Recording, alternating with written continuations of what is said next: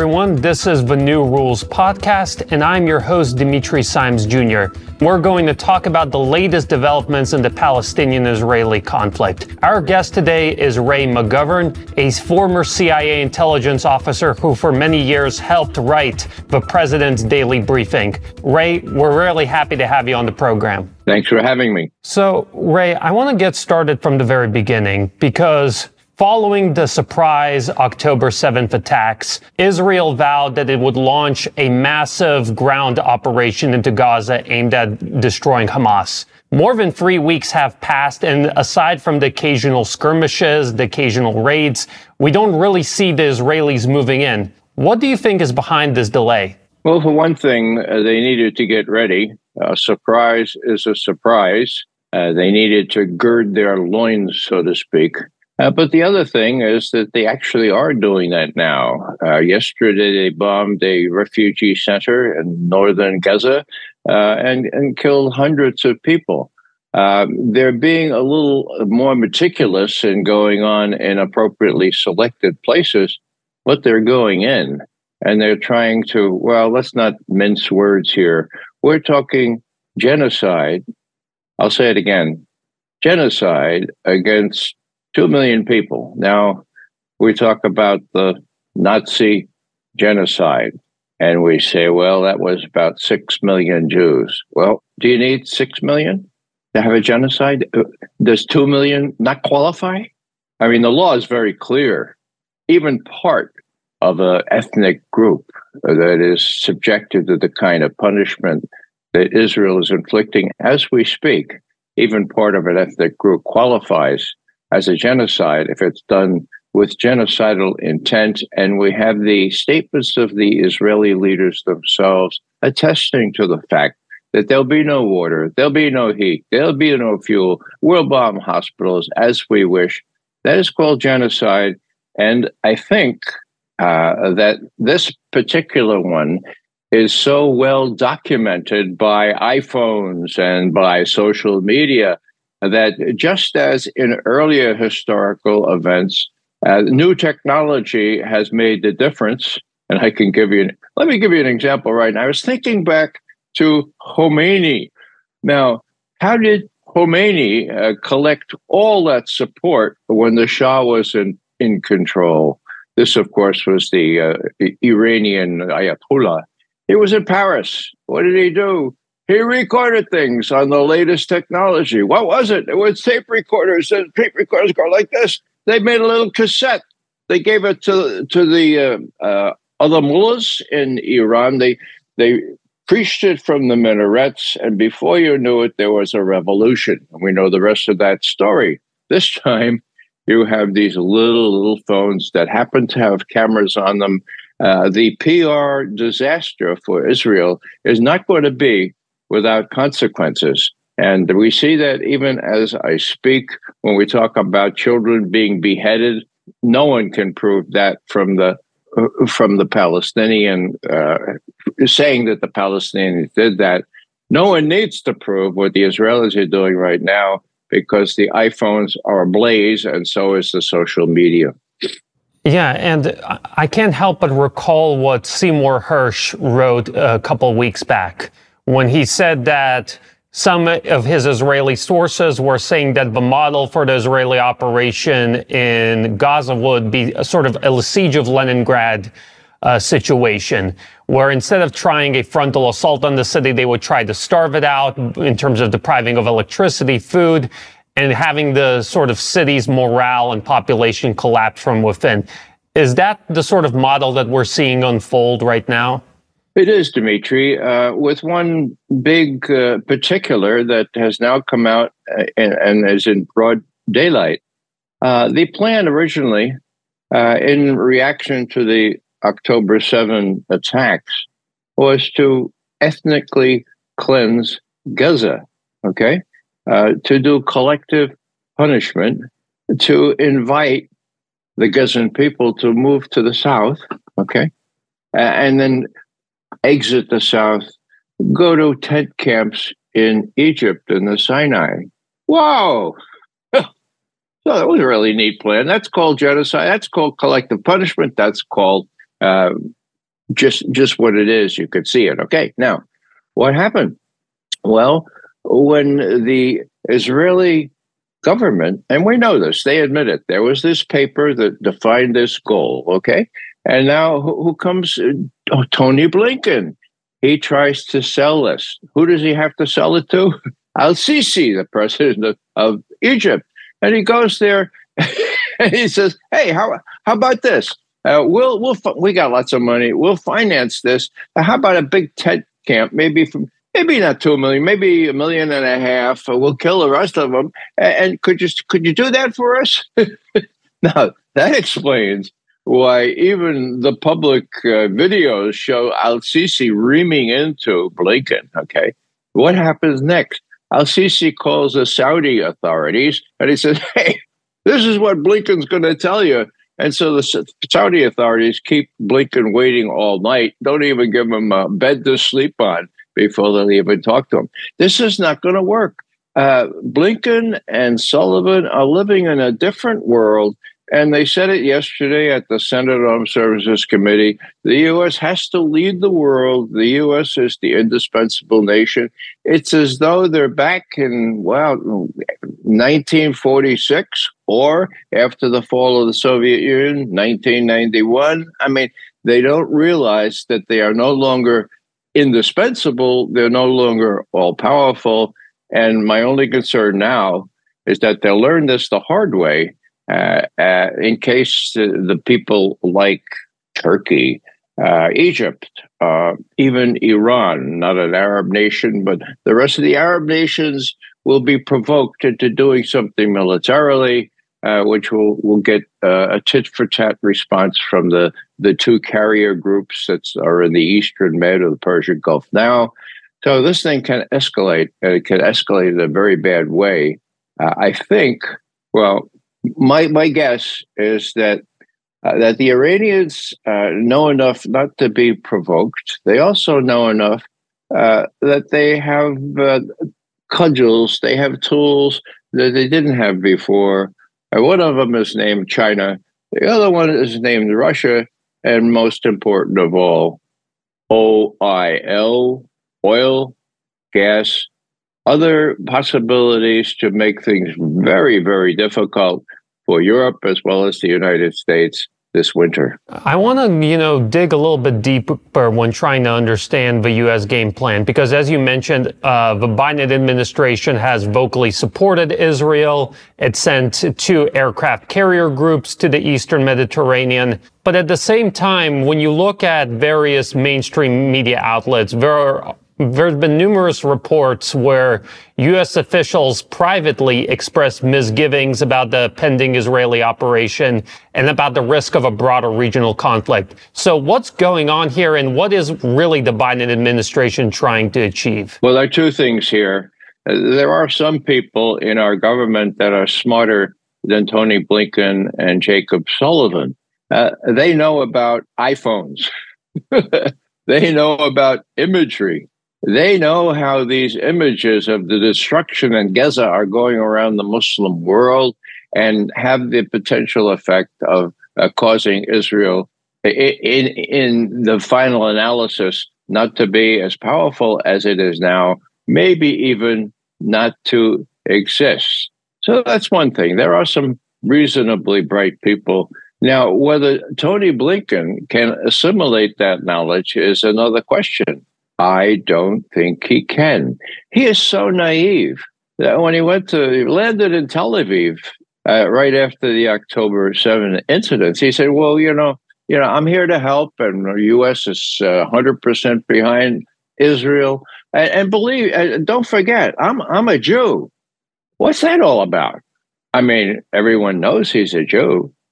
Uh, can can he, having said I'm a Jew, can he represent a honest broker role here? Can he do anything other than press uh, what has become the biblical Armageddon narrative now, proposed by not proposed but expounded by uh, by Netanyahu just yesterday? It's very very dangerous. So so that's one thing. The other thing is that Israel is going to do its own thing. Okay, Now, we say we're trying to restrain Israel. Well, of course, you know, with those images coming out of there, we have to sort of play a little bit nice with our public and say, no, we told them, we told them, please, please don't do the, the worst, you know. But in the second breath, we will say, that is, our prominent spokespeople will say, well, you know, we can't tell Israel what to do. Uh, we can't, we can't, you know, Israel is, it's got the threat there. And of course, 3.8 billion dollars worth of arms support every year to to Israel is what the Arabs, what Iran, what everybody else could see. And, you know, let's face it, everyone knows that Israel could possibly not possibly do this without full American support, like 100%. Last thing I'll mention here is just about 10 days ago, when Tony Blinken was on Face the Nation, one of our big Sunday programs, he said, you know, um, uh, we can, no ceasefire.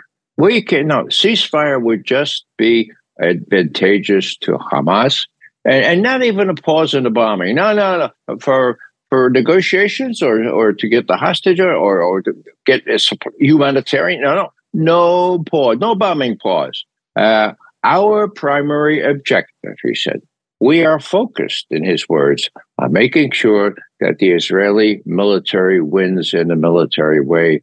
Period. End quote. What could be clearer than that? And we saw that acted out in the UN in vetoing a very sensible resolution for a ceasefire. And we see it continually. So, no ceasefire? Well, last thing I'll say is the American people uh, will not put up with that much longer. I mean, ceasefire is what the whole world wants. And at that Senate Appropriations Committee hearing yesterday, there were demonstrators that interrupted Tony Blinken about five times. Every time he got a few sentences out, they said, ceasefire, ceasefire. And then they were removed by the police. That's indicative of what will spread as a sentiment here in the United States. But Blinken, Sullivan, they are above that.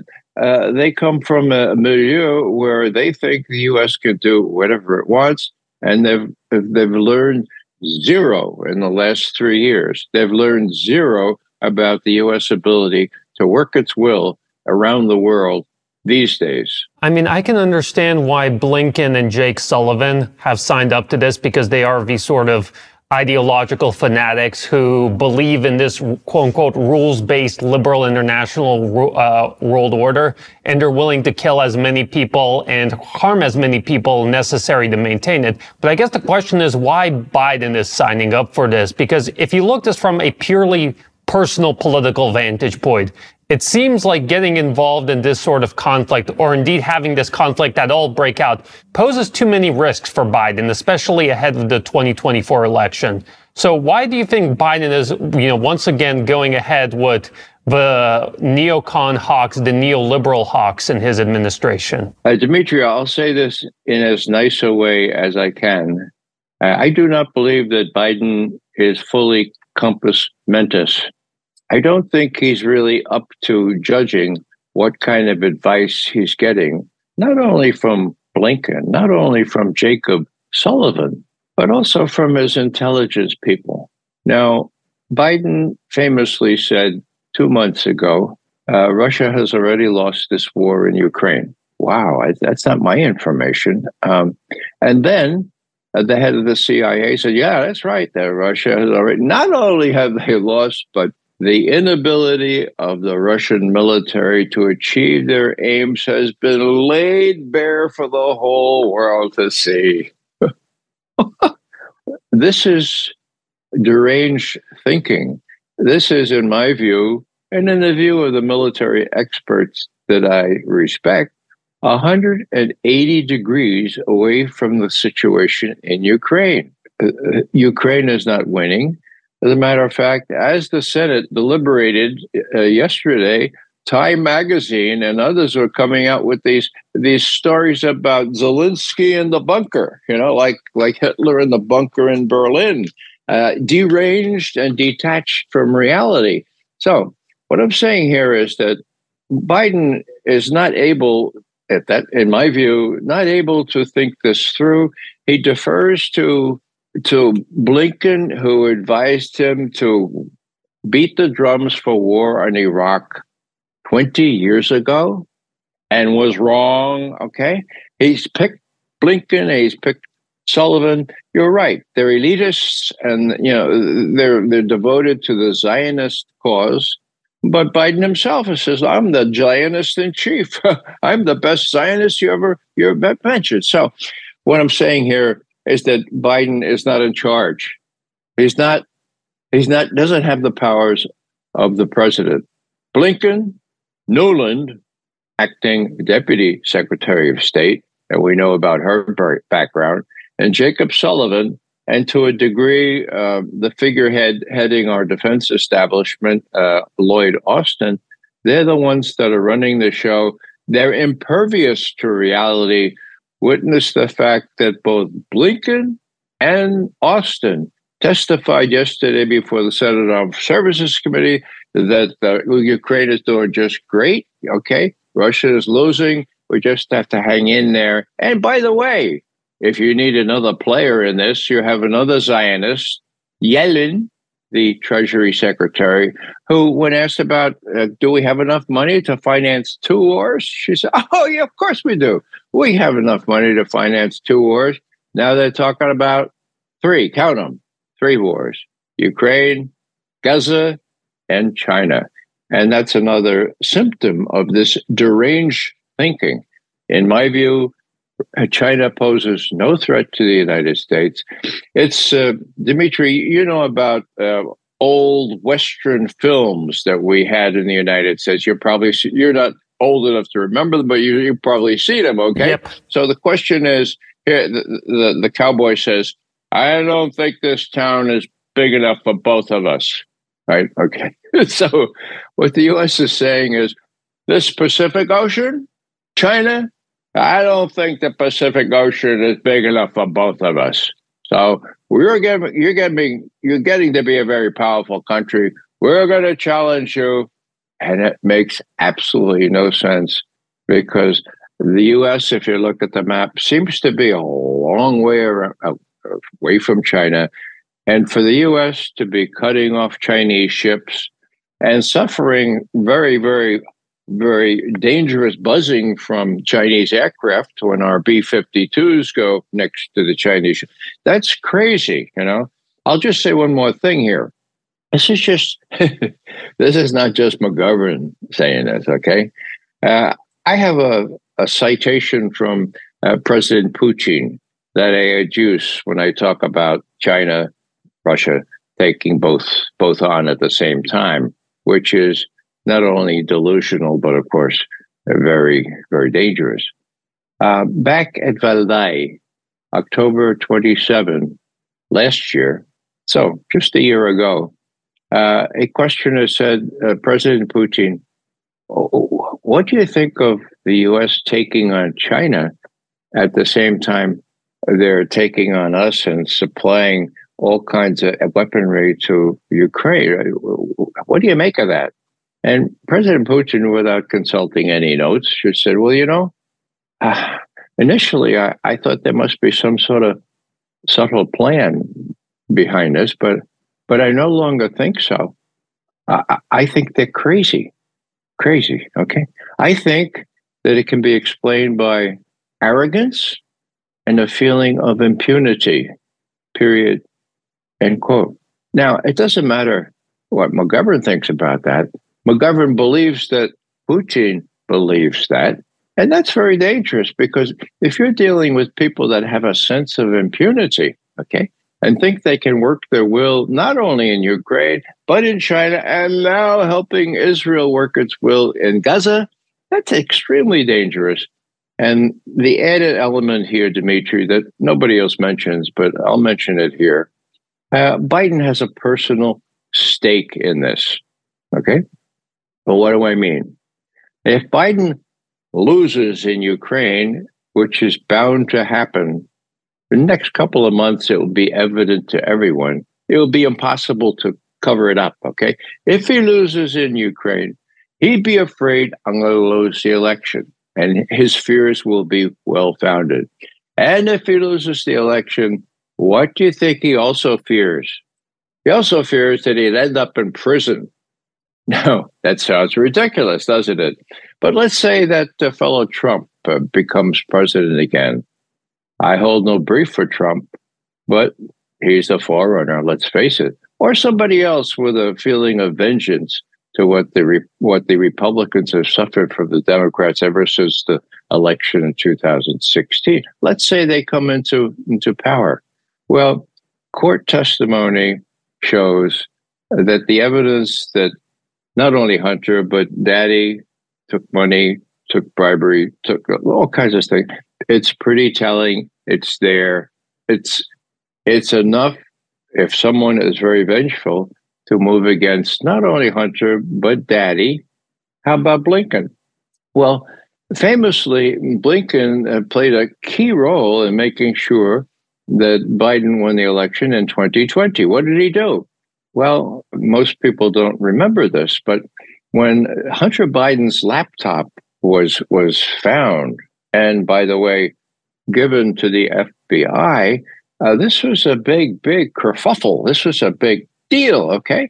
So, what were they going to do before the election? It showed not only Hunter involved in scurrilous activity, but taking bribes and mentioning his dad and influence peddling. And there was some of that dad involvement. So, what were the Democrats going to do? Blinken, I got an idea. We'll make this work. I'll call my friend Mikey Morell. Uh, he used to head the CIA. Uh, hey, Mike, Mike, uh, can you gather maybe 50 or so former CIA directors and other high muckety mucks, high, high intelligence and policy officials? Uh, all you need to say is that uh, Hunter's laptop is a uh, bears all the earmarks of a of a Russian intelligence information disinformation operation. Could you do that? Mike? Brown, sure. How soon do you need it? Well, the election is only two weeks away. Okay, give it two days. Two days, Mikey comes with exactly 50 former CIA, other high intelligence officials, and him adds himself, so 51. What do they say? Oh, this smells bad. This has, quote, all the earmarks of a Russian intelligence disinformation operation.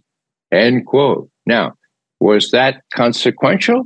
Well, remember, three days later, when Trump had his last chance to quiz uh, candidate Biden, Trump said, Well, what about that laptop and all the stuff? And Biden said, Oh, so the laptop. Don't you know that 50 intelligence managers, including several CIA directors, have already said that this bears all the earmarks of a of a Russian intelligence disinformation operation. Did you know that? Oh my God. And the election came. Now, am I saying that that helped Biden win the election? Yes, I'm saying that. Okay. Was this illegal, what Blinken did with his uh, intelligence comrade? Yes, it was. I think it's got to be illegal. Okay. Does he fear? Does he fear being held accountable for that? Does he fear lacking this sense of impunity if Biden loses? Yes, he does. And I won't go on about this. So just to say that Jacob Sullivan is the author, the intellectual author of Russiagate, Russia hacking into the DNC, which never happened and, and, and is proven to never have happened in court testimony. He too has a personal stake in making sure don't lose anywhere, especially in Ukraine. Don't lose the election. And my God, what would happen if that uh, other fellow comes in or any Republican uh, comes in and says, look, you know, we're seeing the laptop. Uh, those 50 intelligence officials or 51 and never asked the FBI what was in there. I mean, the FBI had that laptop for months and months before. So you guys are uh, pretty crooked. You should end up in some jail time. They're all afraid of that. So, what does this mean? This means that they have a personal stake in avoiding prosecution if they lose in Ukraine, if they lose the election. And that's a very volatile, that's a very, well, it's a, it's a very uh, dangerous kind of perspective because personal stakes for these people at least uh, have a way of affecting policy choices and uh, decisions as to whether to use military force in the final analysis. Yeah, so you mentioned how this affects their calculus in Ukraine. What about the current crisis that we see breaking out? Does this sort of fear of prosecution by Biden and his inner circle, how does it affect their calculus when deciding how to approach the Israeli Palestinian crisis? Well, the Israeli thing, of course, is supported by many people in the United States. Um, our media, especially, are disproportionately run by Zionist people. Let's face it, uh, I can say that. Um, it, it's very, very difficult to get the true story out. But, you know, even the New York Times cannot avoid showing some of the photos that are running around all over the internet. You know, the internet is the supreme democratizing venue here for people to find out what's going on. Now, here's an example. You will hear all the uh, all the established media outlets saying we can't let our ally Israel down. We can't let our ally Israel down. Well, uh, Dimitri, you know, but not many other people know that Israel is not, in any juridical sense, an ally of the United States of America. Oh, why is that? Well, it's never been necessary.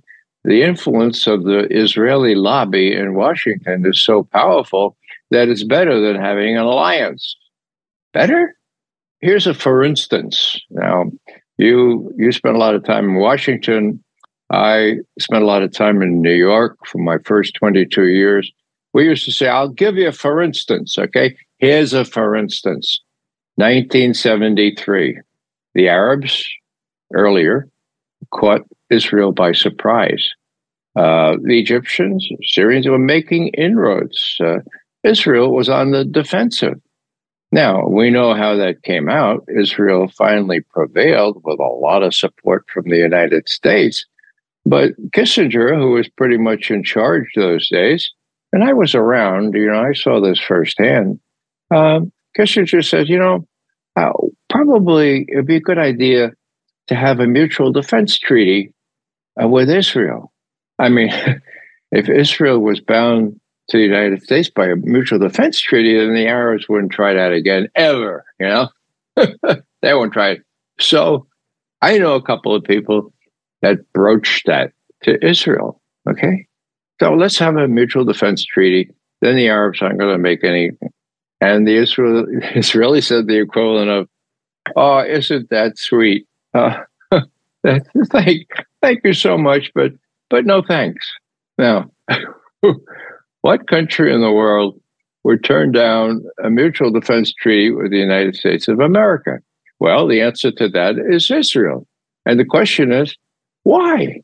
Well, a mutual defense treaty has provisions in it traditionally where if one country is going to lash out and attack another, um, you know, it, it's kind of a mark of respect for the treaty to advise Israel say, now, Washington, we're going to go up on the Golan Heights or we're going to do this or that stuff. And they didn't want to do that. The Israelis much prefer to ask for forgiveness rather than permission. Now, a defense treaty doesn't allow for that kind of thing. Uh, the other thing is that the Israelis have just enough, they have more than enough influence in Washington and even more in the mainstream media uh, that they don't feel the need for any, um, any t- treaty.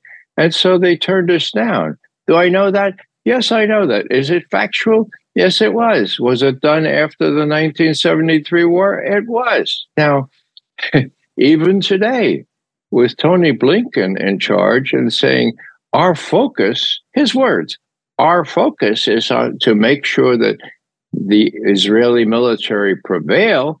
Well, why do you need a defense treaty? You know, uh, if Israel wants to lash out at uh, Syria or some other country, they'll do that with impunity. And if they have to, they'll say, oh, sorry, we, we should have probably told you ahead of time. They would have to do that were there to have been a mutual defense treaty. There isn't any. Bottom line, it is factually wrong to call Israel our ally, but the whole people in the United States accept that as reality, and they're reinforced day after day by what we call the mainstream media, which, as I've said before, is disproportionately influenced by the people who run the media, mostly Zionist people, and we can prove that. I want to remind our audience members that you are watching and listening to the New Rules podcast. I'm your host, Dimitri Simes Jr., and our guest today is Ray McGovern. I just want to return to Biden's political calculus because I think this is important and I just want to make sure that I understand and our audience members understand. Biden, as you pointed out, is facing, you know, this tricky legal situation investigations, hearings in Congress are heating up, and all of a sudden this crisis in the Middle East breaks out.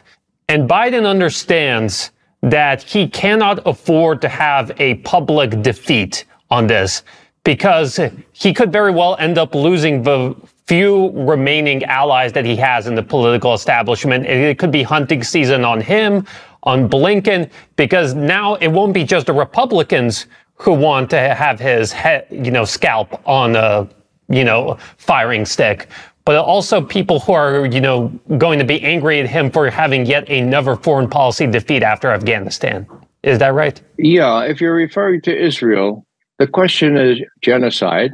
Will Israel prevail unless the United States puts the brakes on Israel? Yes, Israel will prevail.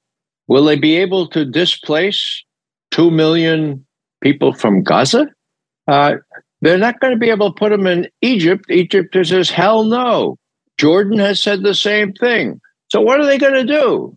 Well, as the weeks go by, as the images keep pouring from not fake beheaded children by Hamas, but real beheaded children, injured children in Gaza, uh, it's going to be really, really difficult for the United States to participate, to condone, to enable with its weaponry and its aircraft carriers genocide. I don't know if I said this before, but yeah, I did. I said 2 million, uh, not genocide. Does it have to be 6 million? I don't think so. As a matter of fact, I know so. Look at the law. It's very, very clearly ascribed and forced in the law. Has genocide been proven about other nations? Have other nations been convicted? Yes, they have. Take Yugoslavia at the end of the 1900s.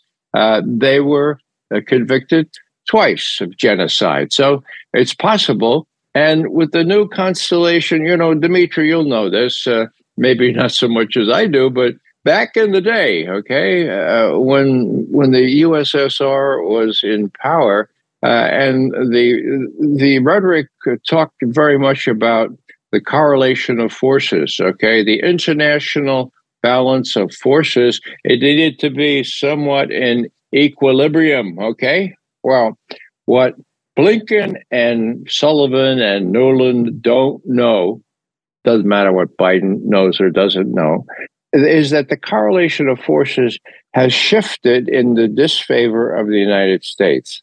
What even people like Brzezinski and Kissinger warned about, not to mention George Kennan, is the worst possible thing would be to have Russia and China join together against the United States. Back in the 70s, when we took advantage of antipathy between Russia and China, it worked beautifully. It, it produced the Berlin Agreement on access, the quadripartite agreement. It produced the SALT Treaty, which accounted the ABM, the anti-ballistic missile treaty, which accounted for three decades, count them, 30 years of stability on the strategic level. Okay. So we took advantage of that at the time. Now, in those days, um, I like to show a, a, a triangle. Okay. So this was this is pretty much what what the uh, relationship between China, Russia, and the United States was an equilateral triangle. Now, for those who remember their geometry, it's become a isosceles triangle, and who's got the be- who's got the short end of the stick, as we say? We do. Uh, what's the problem here? Blinken, Sullivan still don't get that. I'll give you one more. For instance, back in June, this is 20, 2021, okay? The first summit, the 16th of June in Geneva, at Biden's request, he meets with Mr. Putin. Now, we don't have much of the readout of that, but we do have Biden's comments right after the meeting before he got on the plane to get out of Geneva. What did he say? he said, You know, I reminded President Putin that he's got a real, real problem, a strategic problem. Uh, China is squeezing, squeezing uh, Russia. Uh, they have this long, several, several thousand mile, hundreds of thousands of miles of border, and they have to worry about China becoming uh, a, a, great power, uh, not only economically but militarily. Talk about uh, you know self delusion here. They have to worry Putin. So I, I reminded him of that. Most of all, we know you've got this problem, Mr. Putin, that uh, they're being squeezed by China. June 16, 2021. Okay, now, I, I, I wasn't a fly on the wall in the Kremlin at the time, but I can imagine uh, Vladimir Vladimirovich Putin turning to his, his aides and saying, Huh? huh? Where does he get this stuff? Well, where did Biden get that? He got it from Blinken. Where did Blinken get it? He, he read the history books, some of which he wrote about the antipathy between Russia and China. He didn't realize that since then, they've not they're not squeezing. They have a fraternal embrace that, in in strategic terms, puts the U.S. at such a marked disadvantage. The more so since they don't seem to get it, and up until very recently, and maybe even when Wang Yi, the foreign minister and member of the Chinese Politburo, visited, that was just last weekend. Now, he visited not only Blinken, but he visited Sullivan and the president. Had a, okay, so his his idea was to to gauge where these people really are. I'll bet, I'll bet that Blinken braced him with this notion. We know you have a real problem with with Russia, uh, trust us. You know, we don't. We're not going to. You know, we know. Uh, you know, it came to a debacle. Uh, there's no agreement that President Xi will visit San Francisco just a couple of weeks from now for that Asian summit. There was not even an agreement to reinstate ties between Chinese and U.S. militaries to prevent really dangerous accidents it fell completely apart uh, with the with the Chinese saying, "Look, uh, with the U.S. attitude and our position on, for example, a summit with Xi." Uh, the five no's still apply. Chinese like to say these things, five no's.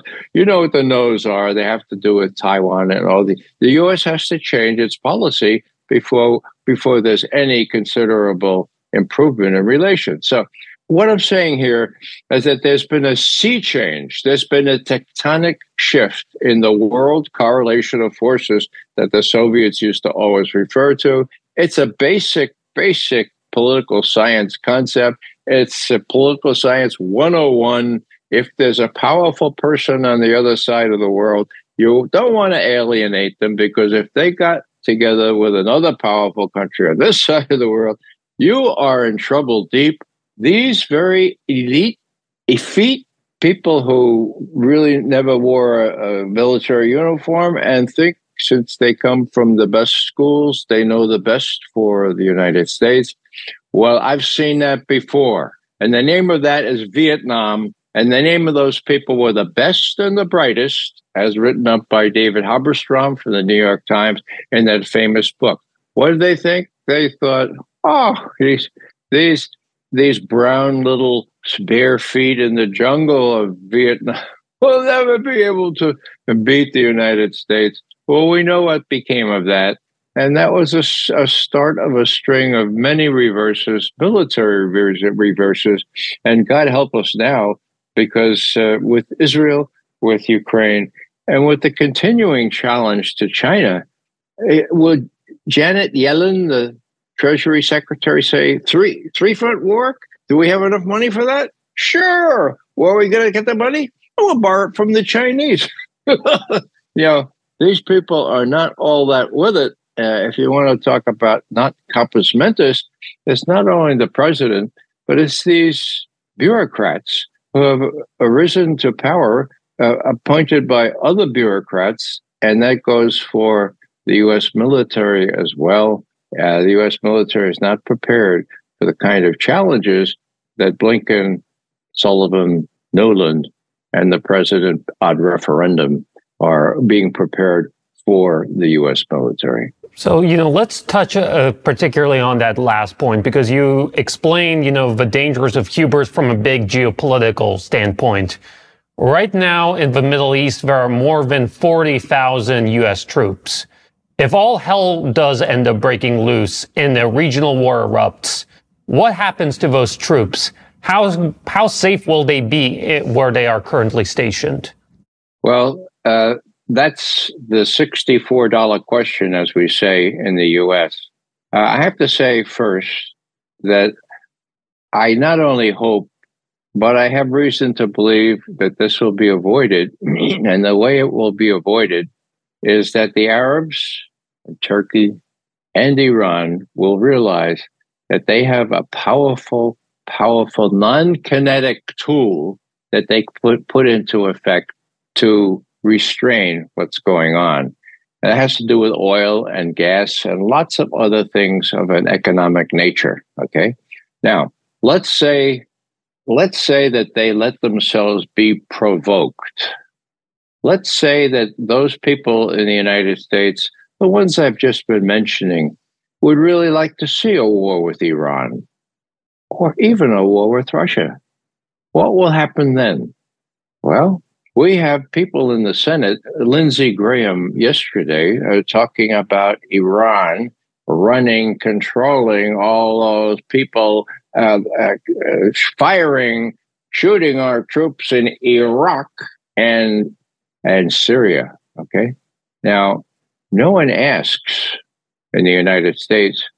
Well, we still have troops in Iraq and in Syria. What's that all about? Well, with respect to Syria, we know where they are and what they're doing. They're in two places. They're about a thousand troops up in the north, and President Trump has said, well, they're there to steal the oil. I mean, that's what he said. They're there to steal the oil. That's where the oil is. We're still in the oil. We're transporting it to U.S. troops elsewhere. And, you know, so they're there to steal the oil. Now, the ones down on the eastern edge, they're at El Tanf. Well, they're, they're there to train moderate rebels, uh, the good rebels, the good insurgents. Okay. So are they sitting ducks? Of course they're sitting ducks. Why? Because the Syrians are powerful enough to do them real harm. And the Syrians can do that themselves. They don't need Iranian directed uh, insurgents to do that. And Iraq, what about Iraq? Well, you know what happened in Iraq 20 years ago. Uh, you know that that was, in my view, the worst mistake U.S. foreign policy has ever made. And worse still, it was not really a mistake. It was, well, uh, what about now? Well, what are we still doing in Iraq? Well, uh, the Iraqi government asked us to leave, but we said, well, you know, we still need to give you a lot of money and support and so forth. So why don't you let 2,000, 3,000 of us stay in these bases to protect you and to fight ISIS. Okay. Now, the Iraqis needing U.S. support. Oh, okay. Well, that's where they are. They're in several bases in Iraq. Are they sitting ducks? They're more sitting ducks than they than the carriers out in the Eastern Med or in the Persian Gulf. Now, what does that mean? Well, people like Senator Lindsey Graham was very specific about this yesterday at the Senate Armed Services Committee hearing. He said, now, he says, uh, what happens? What happens if one of those U.S. troops is killed? 19 have been wounded. Some of them have brain injuries, but what happens if Iran's people, Iran's proxies, okay, kill one of our soldiers? I'll tell you what happens. We we go to we we we take it out on Iran. We open that front and we we we we destroy the capability of the. I forget the exact word. We say, oh yeah, we we go we go against Iran.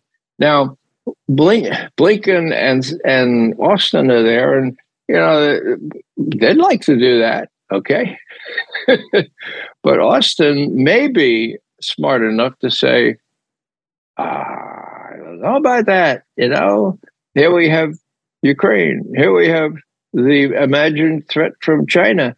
Do we want to really risk taking on Iran? Iran, which has a very, very capable military now, they do not have a nuclear weapon. They don't need a nuclear weapon. They have so many advanced rockets and, and other missiles that they could destroy Israel in one day if they wish to. Is that a deterrent? It is a deterrent. What does Israel have? It has a nuclear weapon. Is that a deterrent? Yes. So, what I'm saying here is that um, the U.S. has lost some sense of balance here, and uh, if if things go go bad in Gaza, it's going to be really hard for even the New York Times and the major media to disguise the fact that we supported. I'll say it again: genocide. Okay, a lot of us don't like that, there were demonstrators that interrupted Tony Blinken, as I said before, about five or six times as he spoke in the beginning of that hearing yesterday. Uh, and they're just symptomatic of uh, Americans of goodwill that don't like the prospect of the United States foreign policy regime participating, enabling, financing, and arming genocide. So, what do I expect? I expect in the next few weeks, those images will come home to the American people. Tony Blinken will have to say, "Oh well, yeah, we can have a we can have a, a bombing pause. Well, we really like to have that." And uh, uh, uh, uh Netanyahu, Prime Minister Netanyahu, what do you think? And he'll say, "So he'll keep it up. He'll keep it up." And that's the problem. He'll keep it up. He doesn't have to heed what the United States. Will the U.S. cut off the three 1.8 billion dollars worth of arms they give every year. No, the U.S. won't do that. So this is a very volatile situation because uh, uh, if, as I said before, the Arab countries and Iran and Turkey, uh, if they don't, if they if they rise to the bait and start a kinetic war, all hell will break loose. I hope they don't do that because they have other methods and other uh, tools, uh, the oil weapon first and foremost, to put into play.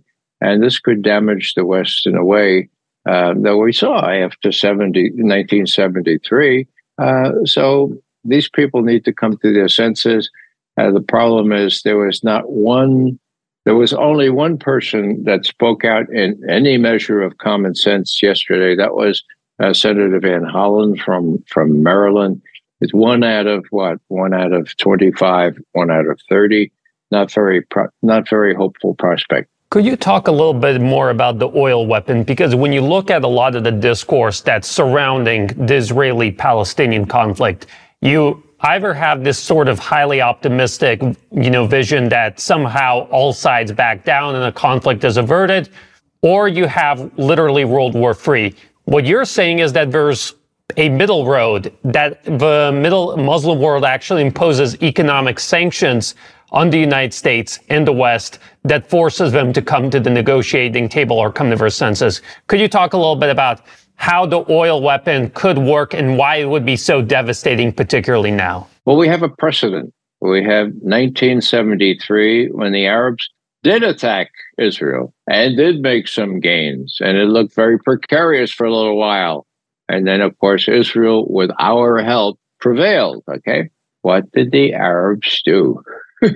Well, I remember waiting in a very long line to fill up my gas tank, and the price of uh, of that gas was, I think, seven, eight, nine dollars a gallon. Okay, now that could work again. It seems to me. I'm not an economist, but I have that experience from 1973, 1974.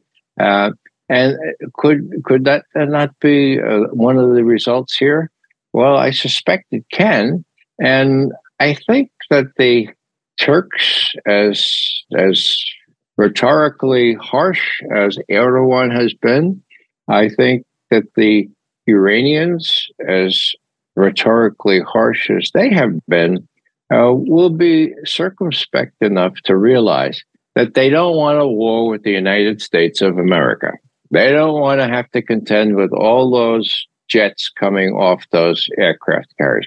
Can they contend with them? Yeah, but they'd really prefer not to. Thank you very much. Okay. So, do they have other means to respond? Uh, my thought is, and this may be a less educated thought than some of the other thoughts that I have, they do have these other means to retaliate. They have incredible natural resources, very much needed by the West, so by the collective West, by the lily white West, represented by all those countries in NATO. Okay, look at them. So, can they retaliate that way? My suggestion is that they can, and my hope is that they will prefer that to risking open hostilities with those aircraft carriers in the Middle East, and that hotheads like Lindsey Graham, who very well much want an open war with Iran, will prevented will be prevented from doing that by a more circumspect reaction from Iran itself and a realization by the US military that this not only is very dangerous for the United States, it's very dangerous for Israel because for the first time in history, Israel can be defeated not only by missiles in Iran, missiles from Hezbollah in the north in Lebanon, uh, ones in Syria. They're they're surrounded, and uh, even though they have uh, they have a nuclear weapon, they are deterred uh, in a way that they have not been deterred before. Meanwhile, the carnage continues. Uh, I have hope that even Tony Blinken will be persuaded that, well, okay, well, we'll have a, a humanitarian pause, 24 hours. Uh, give me a break. People will see through that right away and say, look, Tony Blinken and Sullivan, you cannot support Israel as it conducts openly declared, undisguised genocide in Gaza. I want to remind our audience members that you watched and listened to the New Rules podcast. I'm your host, Dimitri Simes Jr., and our guest today is Ray McGovern. Ray, where can our audience members go to keep up with your work? I, I understand that uh, Twitter is uh, kind of hard to come by in many countries, but I am at Ray McGovern, my handle. Uh, most people find me on my own website. Very easy, raymcgovern.com. Uh, I'm also on Instagram, on Facebook. So uh, it's easy to find me. Uh, it's not easy to Google me because Google somehow doesn't like me and doesn't think I'm very important at all. I don't, I can't understand why, but that's the case. So my website, once again, raymcgovern.com. My son, who runs my website, always says, Now, Dad, for God's sake, don't forget to mention it. And when you mention it, Dad, always say, if you don't get it, you don't get it. But I'm much too humble, Dimitri, to say that on air.